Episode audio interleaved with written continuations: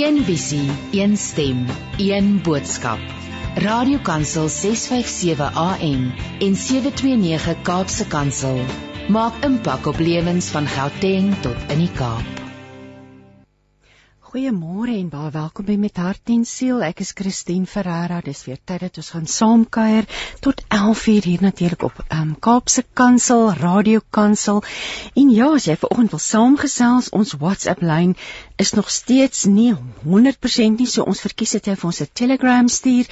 Die nommer is egter dieselfde as die WhatsApp, so laai maar net die toep af en dan kan jy met ons gesels 082 657 2729. Nou vandag uh, skop ons uh, program af met 'n uh, telefoniese onderhoud met Dr. Michael Maal oor 'n wonderlike nuwe dagstukkie boek met die titel Apples of Gold Daily Words of Wisdom to Refresh Your Spirit and Inspire a Healthy Lifestyle. En ehm um, daarna gaan ek gesels met Marilies Jansen van Rensburg. Sy gaan in die ateljee by my kuier al die pad van Witrifuur. Uh kom kuier sy vandag en ons gaan 'n bietjie gesels oor die krag van woorde. Goed en sleg. En ons sluit dan ons program af met 'n 'n boodskap van Deline Rayburn, medeskrywer van hierdie boek Apples of Gold wat uitgegee word deur Koem boeke.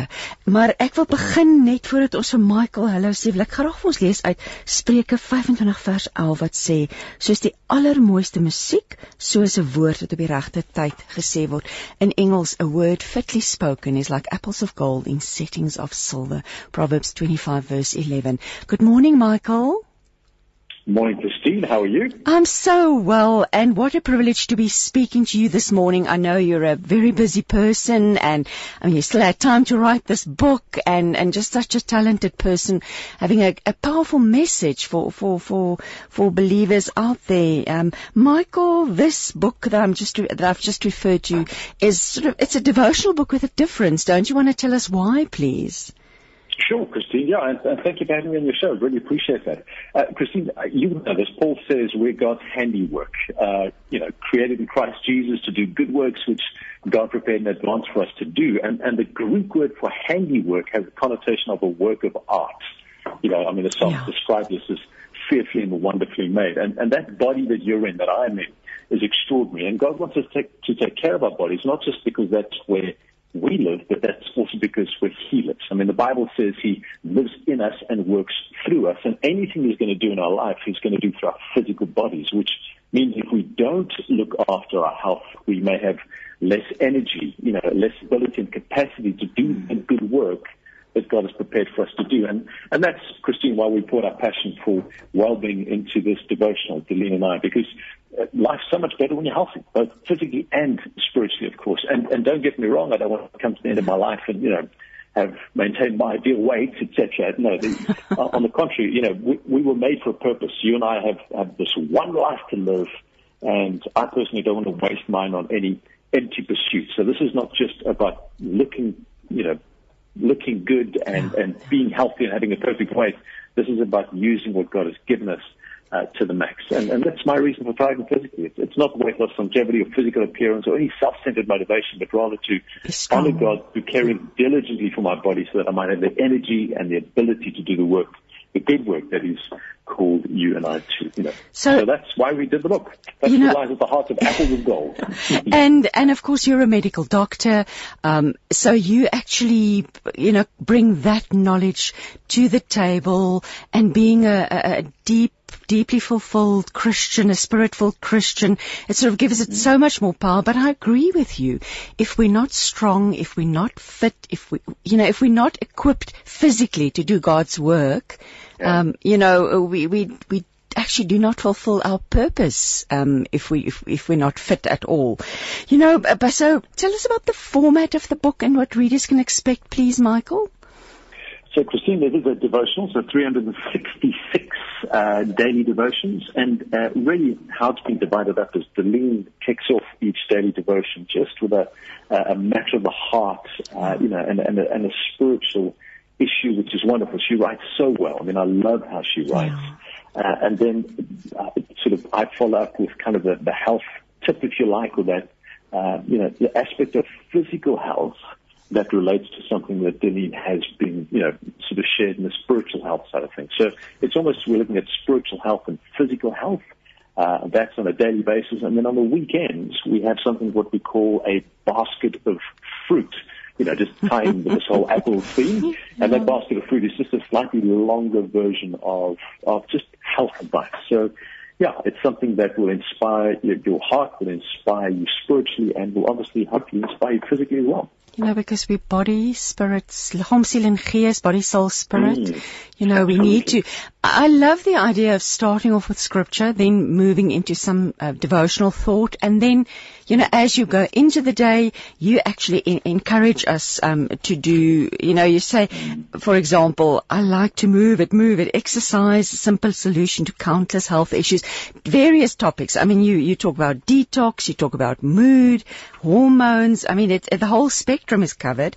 Um, yeah. Michael, what what would you like to achieve through the book? Yeah.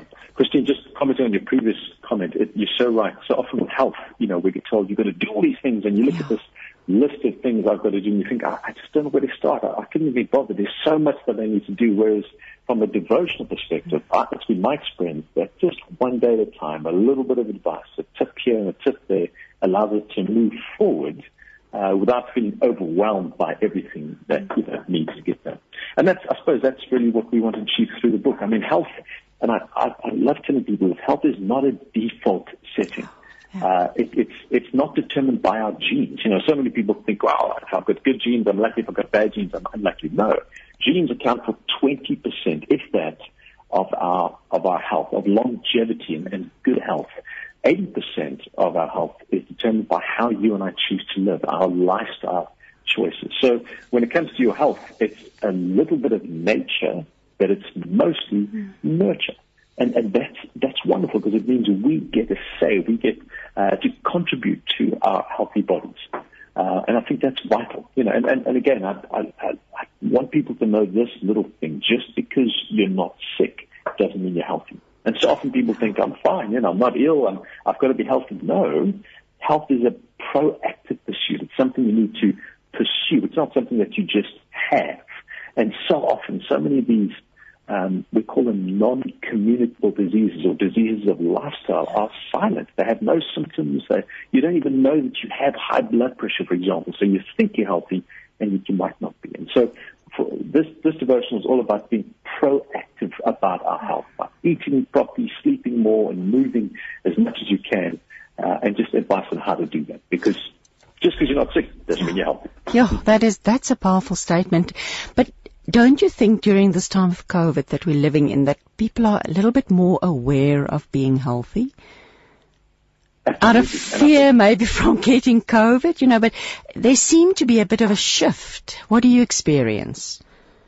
Exactly that, Christine. And ironic, not ironically, but it just seems that COVID, um, the, the risk of COVID or your risk of COVID mm. is exponential if you have these lifestyle diseases. So if, if you're battling with obesity, if you're battling with high blood pressure or diabetes or, you know, heart disease, you're at greater risk for COVID.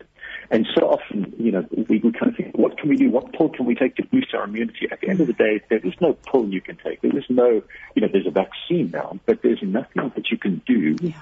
uh, to kind of protect yourself from this virus other than to live as healthy as you can. And the way to do that, as I said earlier, eat, sleep, and you know, a healthy lifestyle that you can adopt, and that's the best thing you can do to bolster your defenses against COVID. I want to ask you is I sort of often hear Christians saying, I mean, it's not, not everybody, but you do hear comments like, I believe, therefore I won't get sick, or, you know, that we tend to limit our spirituality to the neck up. And people sort of say, you know, yeah, I'm protected by my faith.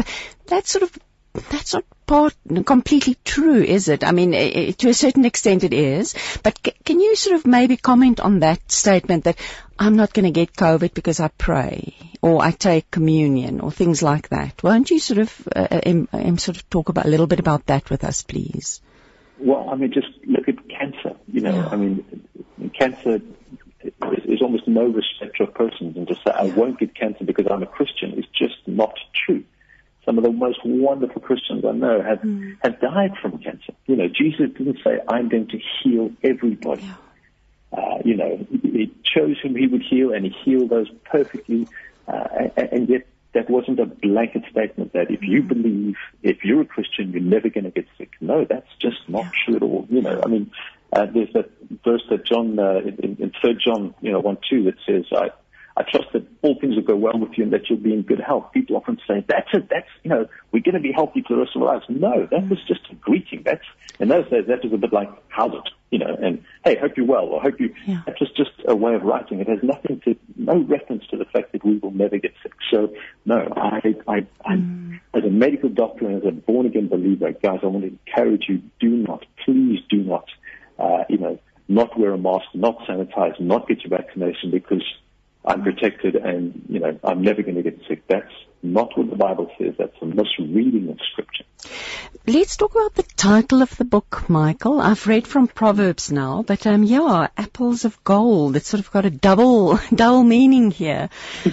yeah.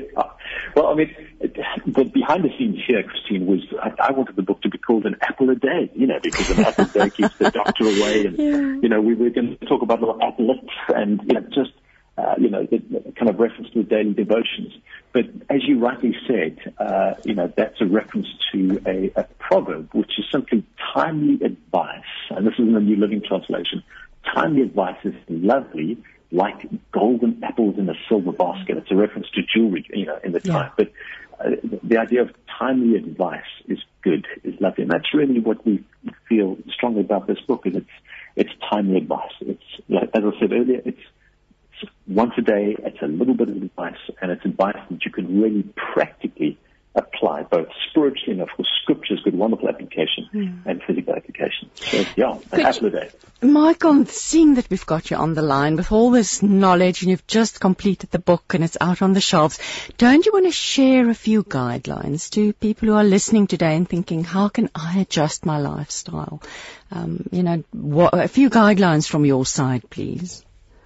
Um, wow, Christine, that's like asking me, you know, how do you get healthy? Where do you start? I mean, you could just go anywhere. It's, uh, yeah. I mean, often if I'm, if people ask me that, I, I, I kind of go to straight to flossing and say, well, listen, if you're flossing, you can stop because, you know, daily flossing, science has shown flossing makes no difference to preventing gum disease or cavities. So, you know, don't do something that's pointless or, yeah you know, if you if you can drink more coffee, because coffee, uh, again, science shows us that the more coffee we, we drink, the less chance we have of dying you know, and that's the black stuff. Don't add any more sugar. Um, and, and in fact, there was a study that showed six cups of coffee a day is good for you. And people who drank six cups or more lived longer than those who did You're going to make a lot of people very happy by saying that now, Michael. I'm happy or happy.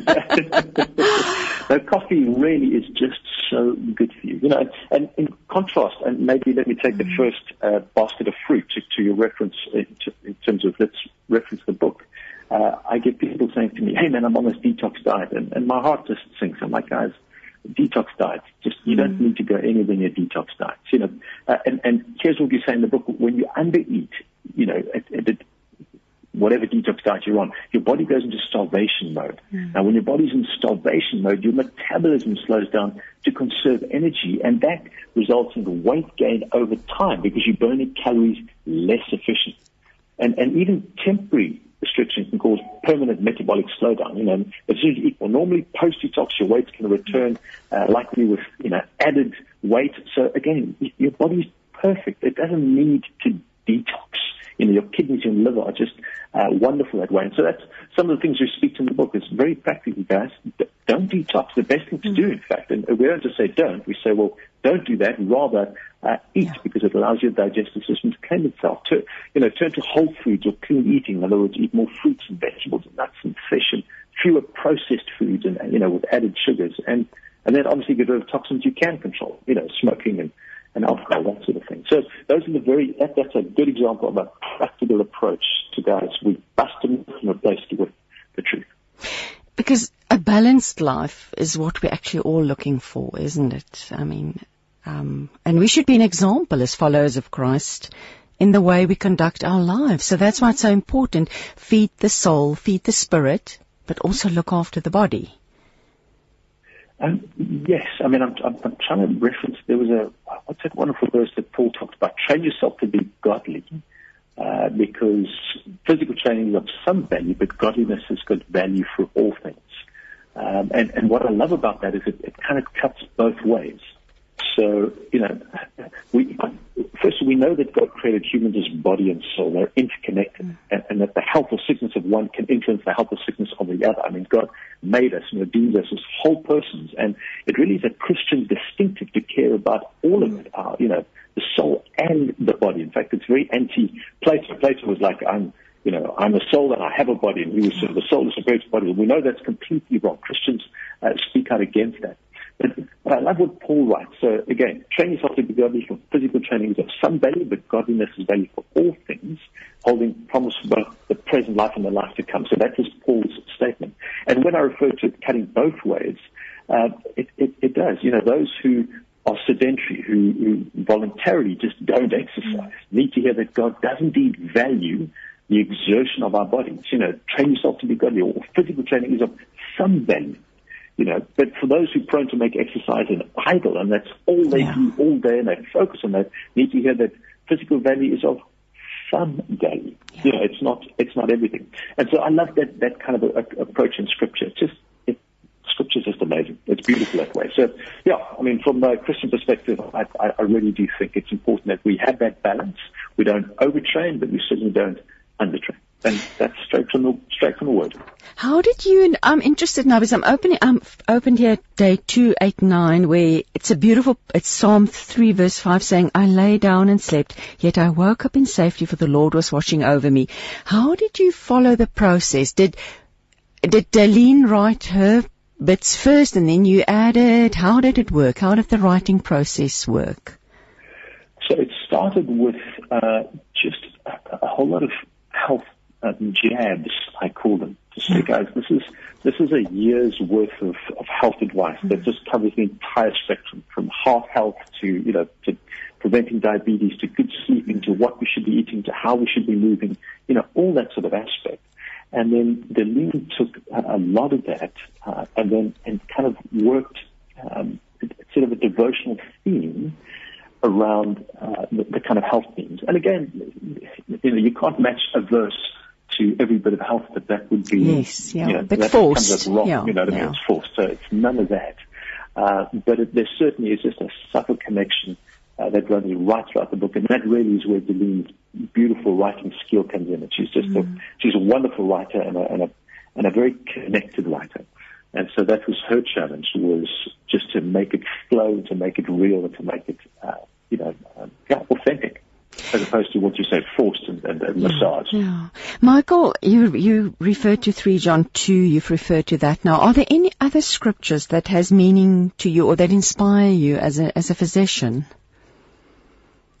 Um, there are many. Um, I think probably one of one of the verses that inspire me most is this this whole idea of I urge you, brothers and sisters, view of God's mercy, to offer your bodies as a living sacrifice. Mm. You know, give your body in service of God. That's that's worship. And we spoke about that. Yeah. Spoke about that earlier. You know, our physical bodies is not just where we live, but where God lives, and how God is going to work through us and, and, and use us. And so for me, that that's very inspiring because, as I said to you earlier, I, I don't, I'm not healthy because I want to look good or you know maintain mm. my ideal weight. No, I God has created me for good work. He's prepared in advance for you know you and I to do. Uh, and again, I need to be as as able as possible to fulfill what God has called me to do, and I do that through physical health. You know, it's also mm. this whole idea of we need to be good stewards of what God has given to us. So for some, uh, there is good health. For others, we live with disease, we live with sickness, yeah. and that's, that's hard. That, that was my next question. What if sickness and suffering is part of your daily living. What what do you say to that person? And I, would say this: we, we don't all have working perfect working bodies. I mean, some are very far from it. Mm. Some of us live in bodies that that we might even feel trapped in, you know, with very limited functionality. But mm. but for me, there's that parable of the talents, you know, the bags of gold. That's so powerful. You know, after a lifetime. Uh, God returns and he simply asks us one question because obviously we're the servants in that parable and mm-hmm. God is the master that comes back. And the question is, what did you do with what I entrusted to you? whether it was a fully functional body with oodles of energy or a body racked with challenges and limitations that make just getting out of bed and, you know, an energy draining task. And Jesus asked that question, what did you do with what I entrusted you? And, and again, here's another lovely verse that you need to refer to. If, if that's you, if you're really batting with this disease that you did nothing to deserve, but it. Uh, and the psalmist wrote it, he said, for he knows our frame, he remembers that we are dust. Mm-hmm. And I think sometimes we need to remember that too. You know, so often we love to quote Philippians 4.30, I can do all things through Christ who gives me strength. But uh, we've got to be so careful. That's not a verse to negate balance. I mean, can you fly, Christine? No. You know, yeah. can you go six months without eating? No. Uh, you know, and, and Jesus certainly didn't do that. He didn't heal all, teach all, visit all, minister to all. So, mm. again, we need to be careful of how we interpret it. Michael, I, I, on day 216, it's interesting you you give food for thought. Obviously, that's the weekend um, uh, sort of devotion. And you talk about uh, the ins and outs of organ donation. You seem to be quite passionate about that. What would you like to say about that to our listeners? Well, you mean, I, I, I love the idea of um, if, if I'm going to pass away, or, or you know, I, I just have an opportunity to to honestly give a life to seven more people. I mean, that's essentially what you can do with organ donation. And if you've kept yourself healthy, if you've lived a healthy life, those organs are very valuable. And so, you know, for whatever reason, if God calls me home suddenly, uh, and you know, and I have an ability to help others, why not? Why would I not want to lay my life down? You know, not that I do it willingly, but if my life has been laid down, to be able to serve others and give seven other people, um, and, you know, extra life, a longer life, more opportunity to, you know, uh, bless others. Because you can imagine if you are the recipient of an organ, that's not something anyone takes lightly. And those organ recipients, uh, uh, there is a spiritual connection that you just cannot shake you know, and I think those are lives that have changed forever. So, yeah, if you are not on the organ donors list, can I encourage you to get onto the organ donors list? They're not going to come and get your organs. They're not going to, if you are involved in an accident, not save you because, man, yes, we can get his organs instead, so let's let him die. No, that's, that's nonsense. That's a complete myth, you know. Often, and I've worked in those trauma units uh, for, for many, many years. Often if you do get an organ donor, you know the kind of person that is an organ donor and you work even harder to save that individual's life. So please, by all means, if you can, it's very easy to get registered, put your name down, you could save some lives. And it's interesting you say here that it, you're never too old um, to be a donor. It, it's based on strict medical criteria, not age. I found that very interesting. Yeah, looks like you've done your homework, Christine. I'm impressed. oh, Michael. But you know what? Like you say, as Christians, we need to have a, to live a healthy, balanced life. Um, to in, in order to achieve the purpose God has for us and, and be his hands and feet on earth, you know, and, and, and we can do yeah. that by living a, a, a good life, a quality life. Last thoughts from your side, Michael? I, I think, Christine, if you had asked me that, it really would come down to, uh, you know, why should I be healthy? Um, mm. You know, and, and so often people would say, you know, I've heard of people that are healthy their whole lives and they just drop dead, you know. And then I've heard of people who smoke their whole lives and they live to 110. So why should I be healthy? You know, why do I want to live longer or whatever the case is? And and my answer to that is, um, long life was was never the object. You know, I mean, mm. you talk about Abraham dying. He died. He, he died a man full of years. That's the goal: is a full life. You know, Jesus said, "I've come that you might have life and life to the full." Uh, it's not about how long we live. Our days are numbered. God has given us a certain amount of days. That's not going to change. It's how we fulfill those days. Uh, and that's where the, the importance of health comes in. You know, and, and when God speaks to, when Jesus said, I've come that you might have life and life to the full, he talks about Zoe. That's life, not in eternity. That's life now and in eternity. So it starts now, you know, and, and God wants us to thrive and we thrive by being physically healthy and, and physically able to serve Him. So we really need to be good stewards of what God has entrusted to us. And if He's given us health, guys, we need to we need to proactively pursue that health and make it make it you know just wonderful. Um, you know, in, in, in Genesis, we read God created man to have dominion over the fish of the sea, over the birds of the air, over the cattle, over all the earth. You know, every every creeping thing that creeps in the earth, and, and we're tasked with stewardship of all creation, and our bodies are part of God's creation as well, not just any creation, but, but we're a unique masterpiece made in his own image and likeness. As I said before, we're his artwork. So if, if you wanted to ask me one thing, I would I would go back to what I said a little earlier, Christine. It's the fact that we have one life to live, and I certainly don't want it that wasted. I don't want to mm. come to the end of my life and you know and, and, and have maintained my ideal weight. That's not what I want to do. My final aim in thriving physically is is not for any other reason, not longevity or physical appearance. It's to honor God through caring diligently for my body so that I might have the energy and ability to, ability to do good work that He's called me to, and that's to love and to mm. serve and to give every last energy to the one who gave me energy in the first place. Yeah, so you, yeah that's wonderful. Verse, this is the verse. That's whether you eat or drink or whatever you do, do it all to the glory of God. Oh, yeah. wonderful. Michael, thank you so much for your time and uh, the book I'm going to repeat the title again. It is 366 Devotions written by Dr. Michael Mole, who's just been on the line with me, and Deline Rayburn. Apples of Gold, Daily Words of Wisdom to refresh your spirit and inspire a healthy lifestyle. Published by Christian Art Publishers, so available Kum Books countrywide, as well as other bookstores and online, of course. Michael, thank you so much. May God bless you and your family and keep on doing this wonderful work that you're doing and, and it's been Thank a privilege to speak to you this morning. Well, the privilege has been mine, Christine. Thank you for showing interest and thank you for giving us such a lot of airtime on pulpit. really, really appreciate it. It's only a pleasure. Okay, Michael, have a wonderful day. Thanks, Christine. You too. God bless.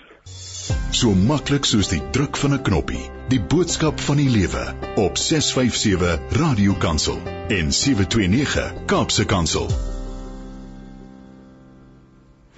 Jy luister dan met hart en siel. Ek is Christine Ferreira en vandag is die tema van ons gesprek woorde. Michael, Dr. Michael Mal het nou met ons gepraat oor die ehm um, mooi woorde wat soos wat in uh, Spreuke 25 in Afrikaans sê dit soos die allermooiste musiek soos 'n woord op die regte tyd gesê word. En dan vers 12 sê twee dinge hoort by mekaar soos 'n pot en 'n deksel, 'n wyse wat praat en iemand wat aandagtig luister. En dan vers 13, Spreuke 25 vers 13 wat sê soos 'n beker koue water op 'n warm somersdag, so is die woorde van iemand wat jy werklik vertrou. Dit gee jou sommer nuwe moed vir die lewe. Sjoe, maar hier word baie gepraat oor woorde. Daar staan in vers 18: Liegstories en kinderpraatjies soos 'n hamer, 'n mes, 'n skerp pyl wat iemand se lewe verwoes. So die krag ons weet die die die, die krag van die die tong het krag oor lewe en dood nie waar nie, nê. Ja. 100%. So, ja. En dit is dan nou Marilies Janse van Rensburg het by my kuier. Uh, Marilies is 'n pastoor, sy woon in Witrifuur. Sy gaan vir ons nou 'n bietjie meer oor haarself vertel. Maar die tema van ons gesprek gaan vandag gaan oor haar boek Kleure van die Lewe deurvleg met die donker kleure van verbale mishandeling. Jo, dis dis dis 'n dis 'n taai onderwerp, dis 'n baie baie belangrike onderwerp. Ek dink baie mense loop deur, nê? En ek dink vir ons almal om net weer 'n bewussyn te hê van die krag van ons woorde oor ander, um, is is is baie belangrik. Maar Elise, Al die pad van Witrifuur, vertel vir ons 'n bietjie van jouself asseblief. Goed, ek is gebore in Messina, groot geword in Witrifuur en in ehm um, universiteit toe gekom en hier vir my man ontmoet in 1989 trou ons en van daar af het ons in die bediening ingegaan Rustenburg, Bronkhorstspruit en ons is nou al vir 27 jaar in Witrifuur. So mooi dorp, pragtige dorp ja. en lekker klimaat. en dan het ons 3 ongelooflike fantastiese seuns, twee beeldskone skoondogters en 'n kleindogter. Ag 'n klein seun, 'n klein seun. Kyk, ek is so opgewonde oor daai status. O, oh, dit is dan net ja, ja ek weet dit is 'n mooi ma sal altyd sê pragtige seuns, pragtige kinders, net dis om lekker dit ons. Is baie lekker. Ja, maar ek wil ons luisteraars ook sommer herinner as jy wil saamgesels, Telegram, ons ons WhatsApp werk op die oomblik nie. Laai net Telegram af. Dis dieselfde nommer 082 657 2729. Marlies, hoekom het jy hierdie boek geskryf? Jong, ek het ek het net hierdie dringendheid in my hart ervaar dat ehm um, jy weet ons lewe die word soveel keer bepaal deur dit wat mense sê en die opinies van mense en ehm um, C.S. Lewis het gesê what you hear and what you see greatly depends on where you stand and your point of view. Hmm. En ehm um, as mens dit maar net altyd kan onthou. Jy weet dat ehm um, hoe jy na iemand kyk en dit wat jy vir iemand sê of wat iemand vir jou sê is nie noodwendig van die regte posisie af of van ja. jou verwysingsraamwerk af nie en ongelukkig dra daai woorde krag. Ja, en ons kan mense seermaak met ons woorde nê en en en oordeel uitspreek. Ja. Definitief. Ehm um, uh en en baie keer wil ons, jy weet ons in in as ons sien nou in die kerkwêreld as ons dit so kan noem weet ons het ons hierdie bewustheid dat dood en lewe lê in die mag van die tong en hy wie dit gebruik sal die vrug daarvan eet. En ons is baie gemaklik daarmee om daaroor positief te bely en is genees en die Here sal voorsien en al die goed. En ons vergeet dat woorde dra dieselfde krag. Of jy dit in woede hmm. spreek en of jy dit in ongeduld spreek dit dra dieselfde krag as hierdie positiewe woord wat jy nou net gesê het. Ja, ja. Ja. Vir wie wie het jy in gedagte gehad as die as jou teken gehoor wie moet hierdie boek lees? Jong, ek het klere van lewe geskryf, ehm um, met ehm um, die vrou as die slagoffer. Maar ek het aan die begin van die boek gesê dit kan in enige opset gebeur. Dit kan in 'n werksopset ehm um, gebeur. Dit kan in 'n vriendskapsverhouding gebeur. Dit kan 'n man wees. Ek het ouer kindverhouding. Ouer ja. baie ehm um, baie groot invloed ehm um, uit my eie verwysingsraam ek het ek geskryf uit die bedienings die feit dat ek in die bediening is en my ervaring in die bediening ehm um, en ook besigheid jy weet en hoe mense in 'n klein dorpie situasie partykeer uitlatings maak wat nie geverifieer is nie en dan kan dit nogal groot skade doen. Jy praat oor die implikasie van woorde wat jy sê wanneer ons dis kyk na verbale mishandeling, praat jy oor die volle impak impak en implikasie van woorde.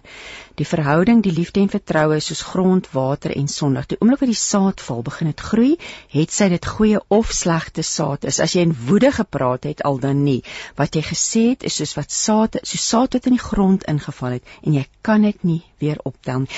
Jo, hier is regtig waar. Dit is so 'n kragtige onderwerp. Jy sê verder, woorde het die krag en vermoë om te help, te skep, lief te vergifnis te skenk, genesing te bring, te verhinder, seer te maak en te verneder. Maar hierdie boek is geskryf vir iemand wat dan die slagoffer, as ek dit so kan noem, van ja. verbale mishandeling is en ja. en as ek die boek reg interpreteer en soos ek hierdie boek gewerk het, probeer jy iemand bemagtig om om agter te kom is ek die slagoffer van verbale verbale mishandeling want daar's tekens daar's sekere dinge.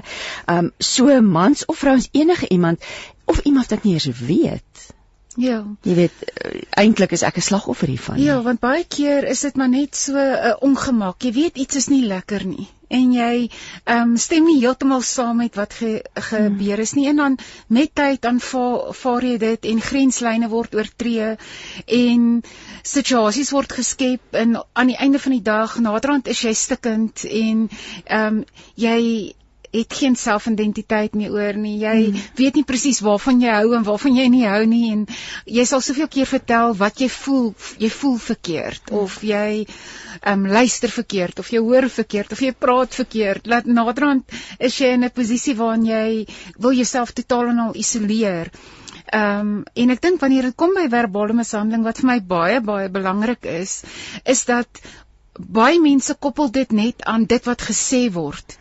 En dan as jy iemand sou konfronteer en sê hoorie, jy praat nie so met my nie, dan sê die persoon, "Ou oh wel, in daai geval praat ek net nie met jou nie." Ja. En dit is ook verbale mishandeling. Dit is weerhouding. Weet jy, en ek dink nou onmiddellik byvoorbeeld daar's ook gevalle kinders wat so lelik met hulle ouers praat. Mense hoor ja dit nogal baie keer dan dink jy, ja, maar die ouer laat dit toe. Net so. Nee, ons gaan nou net daaroor gesels ja. ook. Kom ons praat 'n bietjie oor die titel van die boek. Waar kom dit vandaan? Weet jy, ek het deur 'n tyd gegaan wat ek werklik waar ek het ehm um, die boek begin met een Sondagoggend voor kerk waar iemand vir my iets gesê het en ek het net letterlik in hierdie heeltemal 'n gat van depressie verval. Hmm. Maar die ding is dit gaan nie oor een woord nie. Dit gaan oor 'n samestelling van gebeure en goeters wat gebeur het. Hmm. En so bevind ek my toe in hierdie ehm um, tydperk van my lewe waarin dit gevoel het asof jy amper nie kan asemhaal nie. Jy jy wil nie in die oggend opstaan nie. Hmm.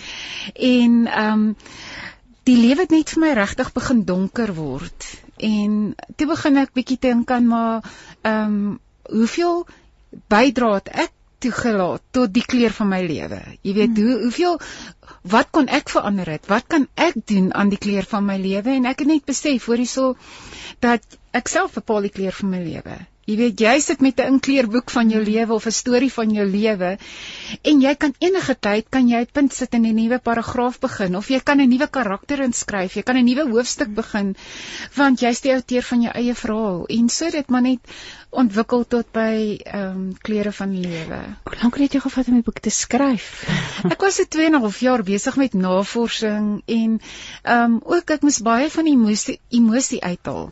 Jy weet want hoe, hoe die mm. boek aanvanklik was en hy aan die einde kom mens sny maar goed uit, jy weet want jy kan nie al die emosie ja. vasvang in 'n boek en dan Ja, daar lê ook 'n stuk genesing om so 'n boek te skryf, nê, nee, en dis hoekom dit so gelaai is met emosies. Ja. Kom ons praat jy verwys daarna as die tydlose wapen van woorde. Wat wat bedoel jy daarmee? Ons nou baie wyd gepraat en ons het nou weet begrippe aangeraak, maar as jy sê dis 'n tydlose wapen van woorde, wat bedoel jy? Weet jy die beeld wat ek het is um Tom Cruise in The Last Samurai. en hy's besig in hierdie verskriklike veldslag. En hy staan op sy knieë naderhand beklei beklei net hy omtrent alleen. En dit is wat verbale mishandeling aan jou doen. En dit is wat ek sien as 'n onsigbare oorlog wat altyd deurslymerend is. Daar ehm um, jy weet nie wanneer is die volgende oomblik wanneer daar uitbarsting gaan wees of en hierdie uh, woorde dra krag en dit vorm ons persepsie, ons geloof en met tyd vorm dit ons wêreld. En ehm um, net so ook die negatiewe kant. Jy weet jy, ons Ehm um, jy wil nie die hele tyd as die dokter vir jou sê jy's gediagnoseer met dit en dit en dit. Die woord van die Here dra in elk geval groter klag. So die waarheid is dat deur sy wonde se genees, die realiteit is jy sit dalk met kanker of wat ook al, maar die waarheid is nog steeds waarheid. Ehm um, maar tog wanneer dit kom by woorde, dan gebruik ons dit baie keer as 'n wapen teenoor mense wat die naaste aan ons is. En ehm um, ek ek skryf daar spesifiek ook oor hoe ons in ons interpersoonlike verhoudinge ehm um, partykeer die mees onverantwoordelikste is met ons woorde en dit is die mm. wapen waarna ek verwys. Maar dit is dit is dis 'n belangrike onderwerp. Ek dink ek het dit nou al gesê, maar ek wil dit weer sê want joh, ons maak seer met ons woorde en in my kop het ook selfverdediging opgekom nê. Ons Ja, ons veg, ons veg letterlik met ons woorde soms. Ja. Nie altyd nie. Of jy beskerm jouself of jy maak seer. Want dis al wat jy eintlik by ou uiteinde het as jy nou nie in fisiese geweld. jy weet maar as jy jouself wil beskerm teenoor iemand dan jy sê iets leliks terug of dis verskillende vlakke nê. Dis dit wat jy ja. sê, dis kinderstories, dis liegstories. Dis daar's soveel vlakke daarvan dit. Ja, en dit voel vir my dis deel van ons almal se lewe. Ja. Ons almal het al op een of ander tyd iets vir iemand gesê waaroor ons al baie spyt was, nê? Ja, ek dink as as mens nou seker wou jou lewe of kon jou lewe gaan redigeer het, dan sou dit lekker gewees het om sekere goed te kon uitgehaal het, maar mens sien dit in jou kinders, jy weet, die een vir die een kind wat dalk nie so sensitief daarop is nie. Ehm um, ag, vir hom hy steur hom glad nie eers daaraan nie. En dan vir die, vir die, vir jou ander kind in dieselfde huis sê jy iets wat daai kind laat in 'n in 'n maalkolk ingaan en nooit herstel nie. Jy weet of hy met moeite herstel en in die aand wat jy wanneer jy in die bed lê, is dit basies jou jou laaste mm. woorde wat deur jou kop, kop gaan is ongelukkig. Ehm um, die negatiewe woorde, nie die positiewe woorde nie. Wat vir jou toe toegedien is of toegesnou, ja. die woord toegesnou kom my gedagtes op. Ehm um, kom ons praat 'n bietjie oor kommunikasie want dit is nie net altyd dat 'n mens sê nie, jy skryf ook daaroor. Jy sê dis nie net dit wat jy sê nie. Ja, ek ek eh, vir vir my het dit gegaan daaroor dat ehm um, verbale mishandeling kan ook iemand wees wat op 'n baie mooi manier vir jou baie sleg sê. jy weet, dit gaan oor die intensie van die woorde. Dit gaan oor die konteks van die woorde. Dit gaan oor jou en my verwysingsraamwerk. Dit gaan oor ons persepsie, dit gaan oor ons geloof, maar dit gaan ook oor stemtoon. Hmm. Dit gaan oor gesigsuitdrukking. Um 93% van wat jy sê is hoe jy dit sê, né? Dit is 'n verskriklike ve hmm. veelheid. Waarvan 53% gesiguitdrukking is. So dis dis major. Nou kry ek hierdie beeld van hierdie verskriklike groot man wat met sy klein seentjie raas en daai seentjie sien hierdie pa met hierdie groot oë en bloedrooi gesig en 'n vinger wat wys in die dreigende houding en dit alles kommunikeer wat hy besig is om vir die vir die kind te sê of vir sy vrou of vir wie ook al te sê. Ja. Kom ons praat 'n bietjie oor Wesley Snipes wat gesê het what you allow is what will continue. Ja, dis 'n baie baie baie kragtige stelling. Ja. Ja, ek um, het spesifiek daarna verwys omdat ehm um, die een situasie wat ek van praat is waar hierdie pa ehm um, in Amerika doen almal mos nou maar deel van die huiswerkies want hulle het nie soveel mense wat in hulle huise hmm. kan werk nie. So hierdie pa het uh, nie 'n lekker dag gehad by die werk nie en na die tyd staan hy op en hy loop som net ka wil kamer toe loop en die seentjie haak af en hy sê dad dad wag 'n bietjie dit is jou beurt om die skottelgoed te wag. Maar uh, was maar die pa draai om en hy's woedend en hy stamp sy stoel en hy sê hierdie is my huis en ehm um, niemand sal vir my sê wat ek moet doen doen en hoe ek dit moet doen en wanneer ek dit moet doen nie. En op daai oomblik vind daar 'n verskywing plaas. Want nou het die pa se se autoriteit vergroot. Ehm um, die maas het kleiner geword en die kind sit sin het amper verdwyn. Want vir die res van die tyd hoef die pa nie weer iets te sê nie. Ehm um, hy hoef nie eens deel te neem aan die huiswerk nie want hy het daai daai afstand so vergroot en dit is wat nou gebeur in met verbale mishandeling. Ehm um, as jy toelaat dat daai een situasie of daai uitbarsting of daai herhaalde uitbarsting aan mekaar homself gaan herhaal, ehm um, dan laat jy dit toe. En hoe langer jy dit toelaat, hoe meer jy op as 'n mens in 'n situasie is, sien kom ons praat van 'n huwelik waar 'n man en 'n vrou is in hierdie huwelik die, en dat die man konstant lelik praat met die vrou. Mm. Partykeer dink ek kom 'n mens nie eens meer agter hy kom nie meer agter hy praat lelik met haar nie en sy kom, jy weet, sy word so afgebreek in hierdie situasie. Hoe hoe hoe kry jy dit reg om dit te stop?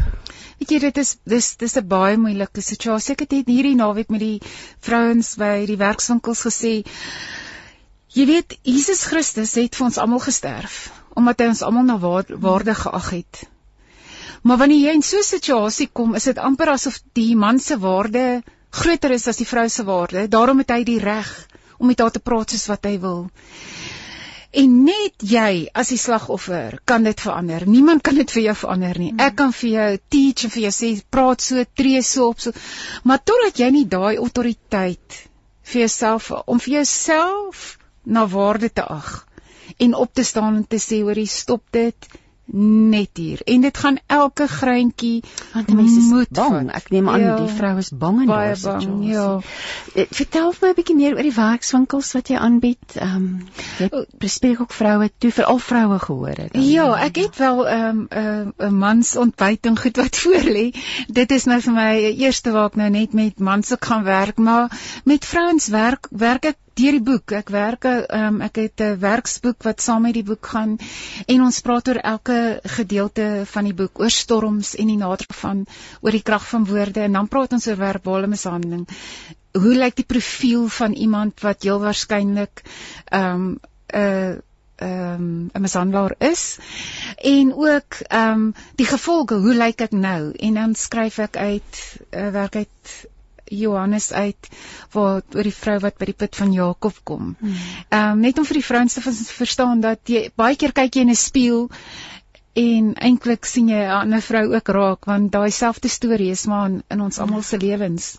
Kom ons praat, kom ons praat oor ek dink ons wil eers praat hoe lyk die mishandelaar? Ja, dis dis nou ons het nou dis ons het 'n redelike tyd om oor te gesels, maar is moeilik hoekom dit maar as jy dit kan vir ons opsom.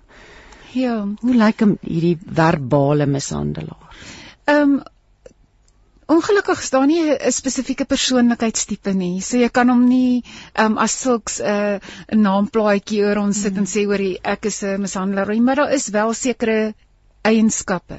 Soos ehm um, hy wil altyd beheer. Jy weet dit dis iemand wat in in in beheer van 'n situasie wil wees, in beheer van van ehm um, elke aspek van die van sy um, vrou wil wil hmm. wees. Dit kan ook iemand wees wat ehm um, onderliggend baie aggressief is, wat ehm um, verskriklik vinnig hulle meer verloor.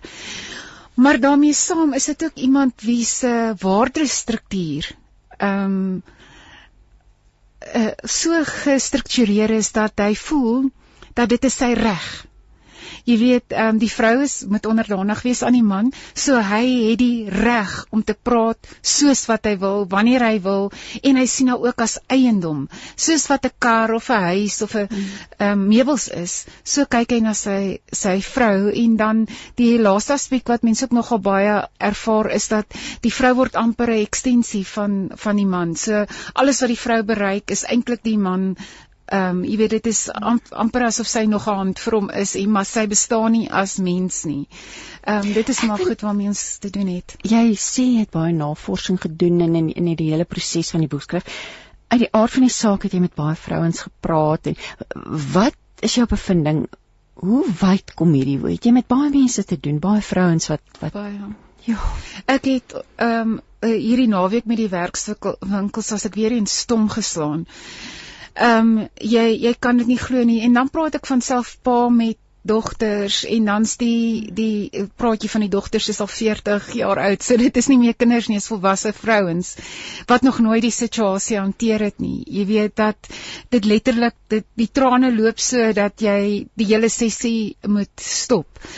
En ongelukkig word dit die manier waarop die vrou na alles kyk. Jy weet daai filter eh, van woorde wat wat oral gesê is, wat se ehm um, wat sy ervaar het as jong dogtertjie, wat sy ervaar het in die ehm um, skool. Ehm um, ek gebruik die voorbeeld van 'n skoolhoof wat in die saal inkom en die kinders is 'n bietjie besig en hy gil van abo af van die are bultens die gesig is rooi en hy sê jy jy daar in die 4de ry en jy word doodstil want ewe skielik besef jy jy sit in die vierde ry nou kyk almal vir die hoof en die in die hoof sê ja ek kyk vir jou ek's nie skeel nie. En jy dink maar hoorie wat het ek nou gedoen? En dan kom die onderwyser nader nader gestap en hy haal 'n kind vier kinders van jou weg. Nou die jy het onwettig en ek is jy ja. die vrou leef in daai stadium van jy jy in die vierde ry en almal kyk rond om te weet permanent. Ehm um, 24 uur van die dag is dit wat sy sy beleef. So enigiemand wat in 'n verbale ehm um, mishandelende posisie is of dit nou in die bediening is of in die werk is, as jy as pastoorsvrou, as jy in die kerk instap, dan voel jy oor die wat het ek nou vergeet? Wat het ek verkeerd gedoen? Hoe mm. lyk ek vandag? Is is my hare reg? Is my mm. gremering nie te veel nie? Is my oorbelle nie te groot nie? Jy weet daai tipe van van ding want jy weet enige oomblik kan dit wees so 'n situasie wees. So jy loop heeltyd op eiers. Daar's 'n onderliggende spanning die hele tyd. Die hele tyd in die hele huisgesin ook of in die werksopset as dit um, Wat wat is die effek van so iets in 'n in 'n huisgesin? Langtermyn, korttermyn en langtermyn is daar maar baie baie groot effek. Die langtermyn ehm um, gevolge kan goed wees soos ehm um, die vrou voel baie waardeloos. Sy ly aan mm. angs, sy lang ly aan depressie. Sy en in die huisgesin self ehm um, die kind kan ewe skielik baie rebels raak en jy kan nie verstaan mm. hoe is die kind nou so rebels nie. Maar jy vergeet van al die saad van woorde wat jy in die kind se lewe gestel het van you will never amount to anything of wat ook al en goed wat jy roekeloos oor die kind uitgespreek het of oor jou vrou of ehm um, ehm um, jy weet wat ons moet in gedagte hou is ehm um, jy werk met mense. Ehm um, ons het altyd so spottery in ons eie huis gehad van as daar mense inkom, dan's almal ewe skielik opgewonde en alles word reggesit en ek, maar weet jy met tyd het selfs daai ding 'n effek op op op mense. Hmm. Want nou die mense met wie jy die res van jou lewe gaan wees, jou gesin. Die mense wat jou hulle lewe vir jou sal gee, ehm um, saam met wie jy deur moeilike en baie lekker situasie gaan. Daar het jy jou swakste maniere. So nou sien hierdie hmm. kinders hulle word groot en die pa of die ma is dalk nie in 'n goeie by nie en hier kom mense en is hallo sustersoons of hallo mm. broer. Mm. wat ook al of hallo, gaan dit met jou? Ek het jou so lank lank sien. En die kind dink, wat op dese aarde gaan hier aan? Verwarring. Verwarring. Ja, ja. Jy weet, so dit is een van die effekte wat gebeur. Dit is die volgende. En volg dis seker 'n baie wye stelling, maar die pa is tog die voorbeeld, nê? So kan 'n mens sê dat die dogter sal dalk 'n man kies wat soos die pa dalk met die ma werk? Of kan 'n mens sê byvoorbeeld die seuns mag dalk so teenoor hulle vrouens wees? Is dit realisties om dit so te sê of is dit maar by uitsondering dit gebeur? Ehm um, as as jy gaan oplees dan sê hulle jy ehm um, dit kan gebeur maar aan die einde van die dag het elke mens sy eie keuse ook so net soveel hmm. soos wat kinders ge, gemolesteer word en dan word hulle molesteerders as 'n groot ja. is daar 'n groter hoeveelheid wat besluit omdat dit met my gedoen is, sal ek dit nooit aan iemand anders te doen nie en hulle word kampvegters daarvoor. So ek dink dit is my elke ou persoon se se eie keuse, maar dat dit 'n invloed het in hoe jy optree is 'n feit. Dit is het, het baie vrouens na jou te begin uitreik nadat jy die boek geskryf het. Ja, ja. Ehm um, ek het tot ehm um, mans gehad wat in professionele hoedanighede is dat vir my sê hulle verstaan presies waarvandaan of kom. Hulle weet waarvan ek praat. Jy weet en dan is dit hierdie um, man wat jy nooit in jou lewe daarvan vers, sal verwag nie en hulle oë is vol trane. Ek het dan besef hulle dis wat hulle doen. Of of hulle was, was hulle was ook die die die slagoffer gewees. Ja, in van, baie gevalle is dit dat die man die slagoffer is. Ons praat nou net oor vrouens, maar ja. in 'n in 'n huissituasie kan vrouens die hoor 'n ma kan net so 'n skerp stem, skerp wees met haar tong nie. En dan natuurlik as kind. Ons het dit baie waar die pa groot geword het in so 'n situasie toe hy 'n seun was. Hmm ehm um, het sy van die ma of van die pa en dan dra het hy nooit daai ruimte gehad om om te weet dis wat met hom gebeur het nie. Jy weet nie hoekom jy so voel nie. Jy weet nie hoekom het jy 'n uh, ehm, minderwaardigheidskompleks of ehm um, hoekom is jy so onseker van jouself? Jy jy begin nou raak in in 'n punt 'n vraag wat ek vir jou wil vra is die gevolge van ver, verbale mishandeling. As jy dit kan opsom, hoe lyk dit? Hoe lyk die gevolge daarvan? jong ehm 'n 'n hopeloosheid. Ehm um, jy is moedeloos, altyd moeg, depressie, angs, verskriklike angsaanvalle. Ehm um, 'n langtermyn is daar kom dit uit in jou liggaam in vorm van pyn wat jy nie weet waar dit vandaan kom nie soos in 'n geval van fibromyalgie waar uh, mense dink dit is sielkundig, maar dit is nie dit is 'n fisiese pyn wat jy ervaar. Weet jy hulle het navorsing gedoen in van die wat ek gelees het dat hulle sê kinders wat uh verbaal mishandel is in in hulle huis waar hulle groot geword het as jare later hulle kan al volwasse wees in fantastiese huwelike alles dan het hulle byvoorbeeld fibromyalgie dan is dit weens die situasie waarin hulle groot groot geword het. Maar dit is nou uiteraard nou nie die enigste ehm um, rede of oorsprong van dit nie. Aan slaapversteurings. Ehm um, dan 'n produktiwiteit jy kan of oor ehm um, kompenseer omdat jy wil strewe ja. na, na hierdie perfekte beeld of om hierdie persoon mm. tevrede te stel of heeltemal onsuksesvol want jy niks wat jy begin maak jy klaar nie waar dit dalk mm. iemand kan wees wat altyd baie georganiseerd was alles wat sy begin maak sy klaar is dit asof sy aan 100 goed raak en nie een word klaar gemaak nie want jy verloor net moed jy weet teen jy staan op en dit hierdie moed vir die dag en iets gebeur en ehm um, dan uh, is daar heeltemal soos wat jy sê oorkompensasie dan wil jy net daai een ehm um, situasie nou weer regmaak en daai situasie hanteer en dan is jou gedagtes weer heeltemal weg van die volgende ehm um, van dit waarmee jy moet besig wees.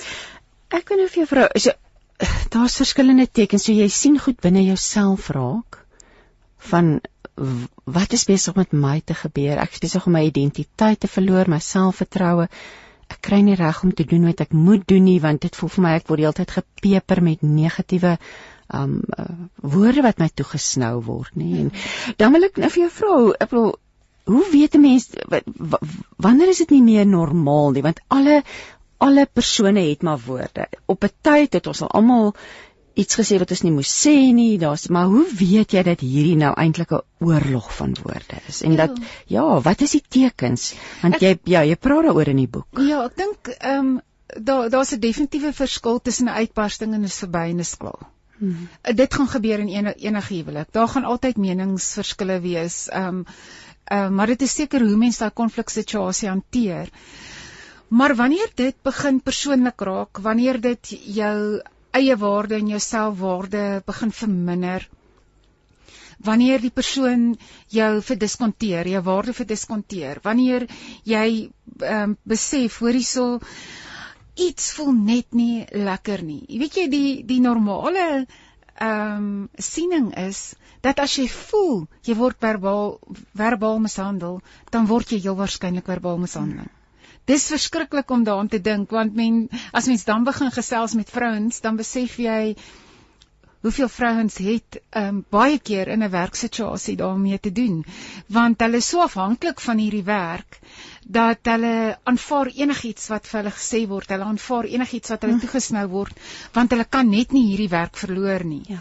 Ehm um, veral wanneer hulle ouer word of ehm um, wat moet hulle doen? Hoe gaan hulle ehm um, 'n ander werk kry en dan uh, word dit 'n bedingingsmag, jy weet. Ehm um, oh, dit word 'n bose kringloop voel dit vir my ook dat jy word al dieper en dieper daarin getrek. Ja, ek het 'n paar kliniese, so nie kliniese ehm um, toetse ingesit wat hulle aan aanbeveel om te doen, maar aan die einde van die dag voel ek enige so ehm um, uh diagnose sou ek sê moet gemaak word deur 'n sielkundige.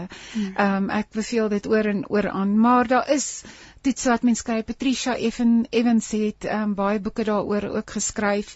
En ehm um, byvoorbeeld is van die vrae wat hulle vra, is jy angstig of senuweeagtig wanneer daar sekere onderwerpe bespreek word? Verander jy persoonlikheid wanneer 'n sekere persoon instap? Ehm um, uh hulle vra, voel jy vir die grootste gedeelte van julle verhouding asof jy misverstaan word? Jy weet, ehm um, jy moet altyd verduidelik hoekom jy ding sê. Ehm um, jy wil altyd ehm um, vooruit sê, hoorie, ek gaan nou dit en dit doen en dan dit en dit sodat jy nie later aan in die moeilikheid kom of of wat ook al nie voel jy hopeloos en oorweldig. Jy weet, asof die lewe is net te veel.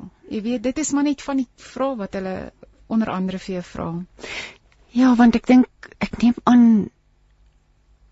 as jy konstant daarin blootgestel is, dink jy later dis dis normaal. Ja. Dis hoe dit moet wees. Dis maar hoe dit is. Ja, dis die gevaar wat dit loop en dan wanneer jy so 'n persoon sal konfronteer, dan ontken hulle dit net en of dit lei tot 'n groter uitbarsting. Net so. En ja. dan ehm um, naderhand begin jy in jouself twyfel en die oomblik as dit begin gebeur, as jy begin glo dat jy voel verkeerd, dat jy onthou verkeerd, dat jy hoor verkeerd um, is dit nou waar die direkte vertaling sal sê waar gasverligting ja die gaslighting maar ek um, ek wil sê dit klink vir my soos ons het al in in die program gesels oor narcisme en dat een van die taktieke van 'n narcis is om te gaslight met ander woorde ja. vir jou iets te laat glo wat nie regtig so is nie nee. deur wat hulle vir jou sê oor en oor en oor ja. en ek bedoel as jy oor en oor dieselfde ding vir iemand vertel ehm um, dan naderhand dan is daar 'n mate van geloof en dis hoekom ek ek ek, ek vir die vrouens pertinent sê Ehm um, wanneer so 'n negatiewe uitspraak oor jou gemaak hmm. is, is die gevaar dat daai ding aan jou hart kom sit. Jy weet, solank dit soos water van die eend af loop en jy besef ag man hierdie persoon weet glad nie waarvan hmm. hy praat nie. Ehm um, jy is meer as oorwinnaar deur Jesus Christus wat jy die krag gee en jy laat nie toe dat daai dinge hou vas kry in jou lewe nie dan sit kan ek sê nog nog aanvaarbaar of is nie aanvaarbaar nie, maar jy kan daarmee deel, maar die oomblik wanneer daai goed begin in jou hart sit. Ja. Ehm um, dan raak jy al hoe meer vatbaar vir die volgende en vir die volgende en vir die volgende ding, jy weet. Ehm um, Jy luister na 657 Radio Kansel en 729 Kaapse Kansel, jou radiogids op die pad van die ware lewe. Jy luister met hart en siel. Ek is Christine Ferreira by my in die ateljee kuier Marlies Jansen van van vuur van Rensburg. Hoe's ek nou so die mekaar Marlies Jansen van Rensburg. Ons praat oor haar boek Kleure van die Lewe. Die tema is 'n is 'n moeilike tema. Dit gaan oor verbale mishandeling. Dis 'n ernstige onderwerp en ek ek wil hê ons moet nou 'n bietjie gesels ons nou nie terwyl die musiek gespeel het daaroor gepraat.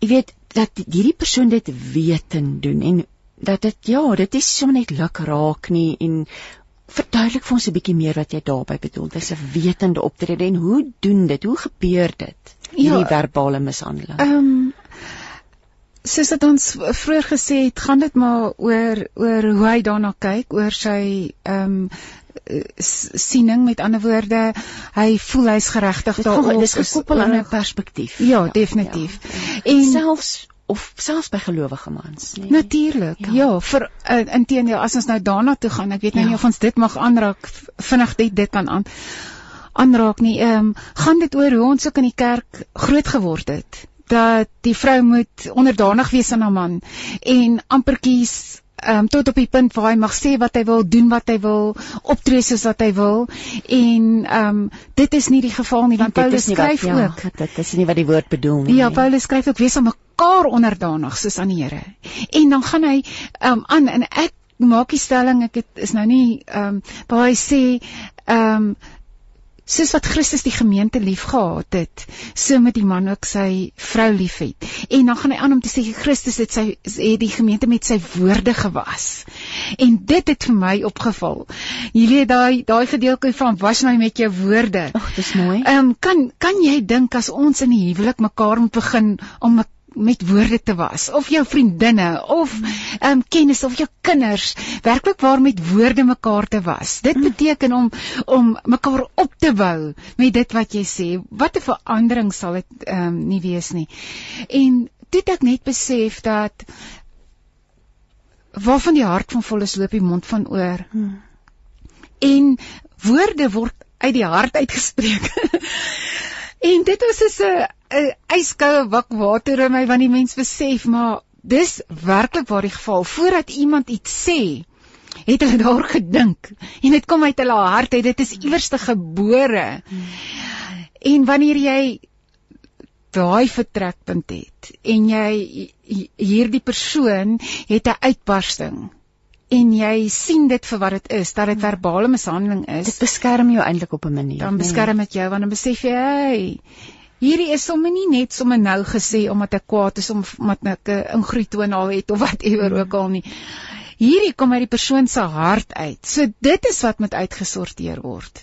En die ergste van alles is niks wat die vrou of die man of die slagoffer enigstens andersins gedoen het, sou verander dit aan effek nie, want ehm um, dit is soos 'n vulkaan wat opbou. Daar's altyd 'n siklus by betrokke en ehm um, daai uitbarsting gaan kom. Maak nie saak wat gebeur nie, dit veroorsaak spanning.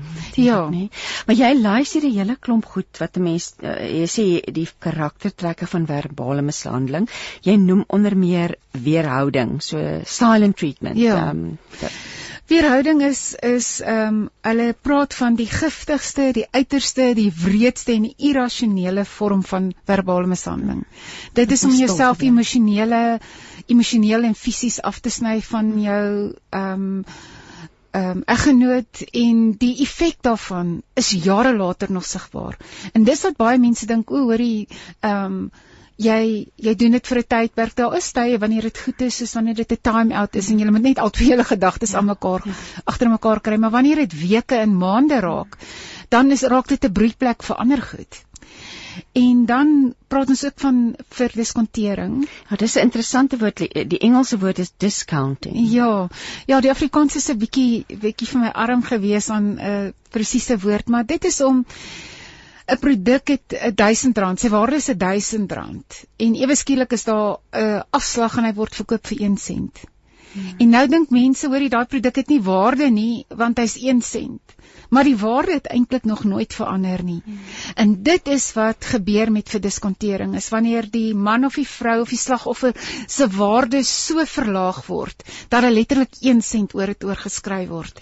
En ehm um, dan tree die ongelukkig begin die slagoffer so op te tree asof sy of hy net 1 sent werd is, maar daarmee saam word dan na die persoon gekyk asof daar ehm um, daar geen waarde ehm um, toegevoeg kan en word. natuurlik moet ons aan herinner word jou waarde word nie bepaal deur die opinie van ander nie. nie. Net so, Dit is wat God so. van jou dink en hoe, wat, Ja. hoe God jou sien en, en en die prys wat Jesus betaal het vir hom. Ja. Die vrou by die put, ons het nou nou na haar verwys, nê? Ja.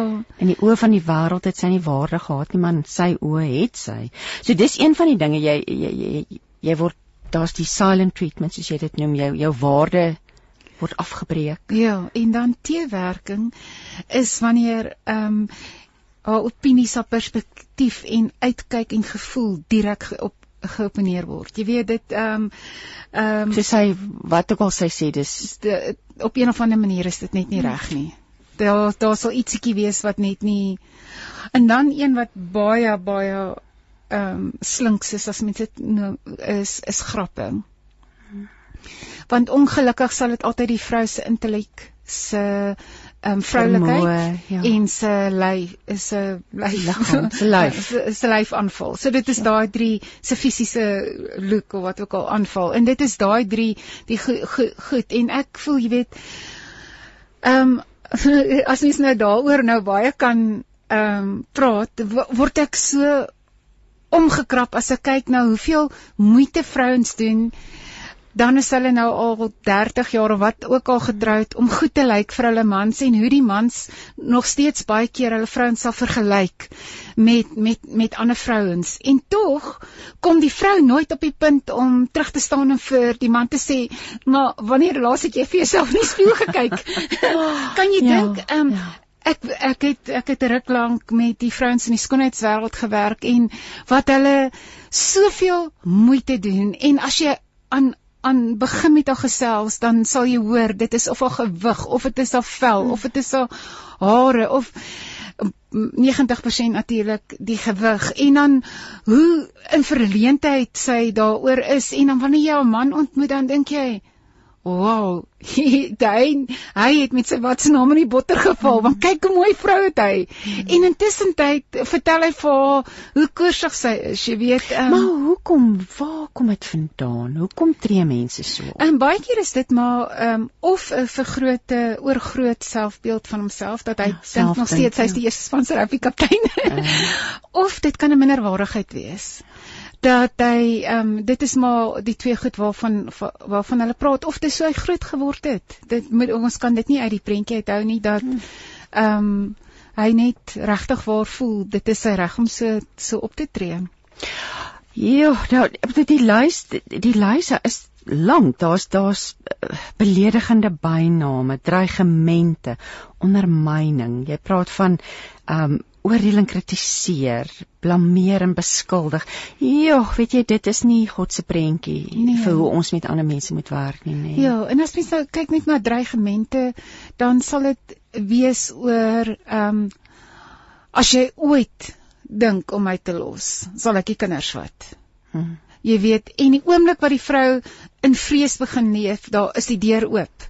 Dan ehm um, dit wat sy vir haar belangrik is of jy mag nie vir jou ouers gaan kuier nie of jy mag nie meer daai vriendin sien nie of watter kant toe ook al dan sal jy sien dat dat daai vrees wat die vrou dan inleef maak haar oop teiken ehm um, vir manipulasie.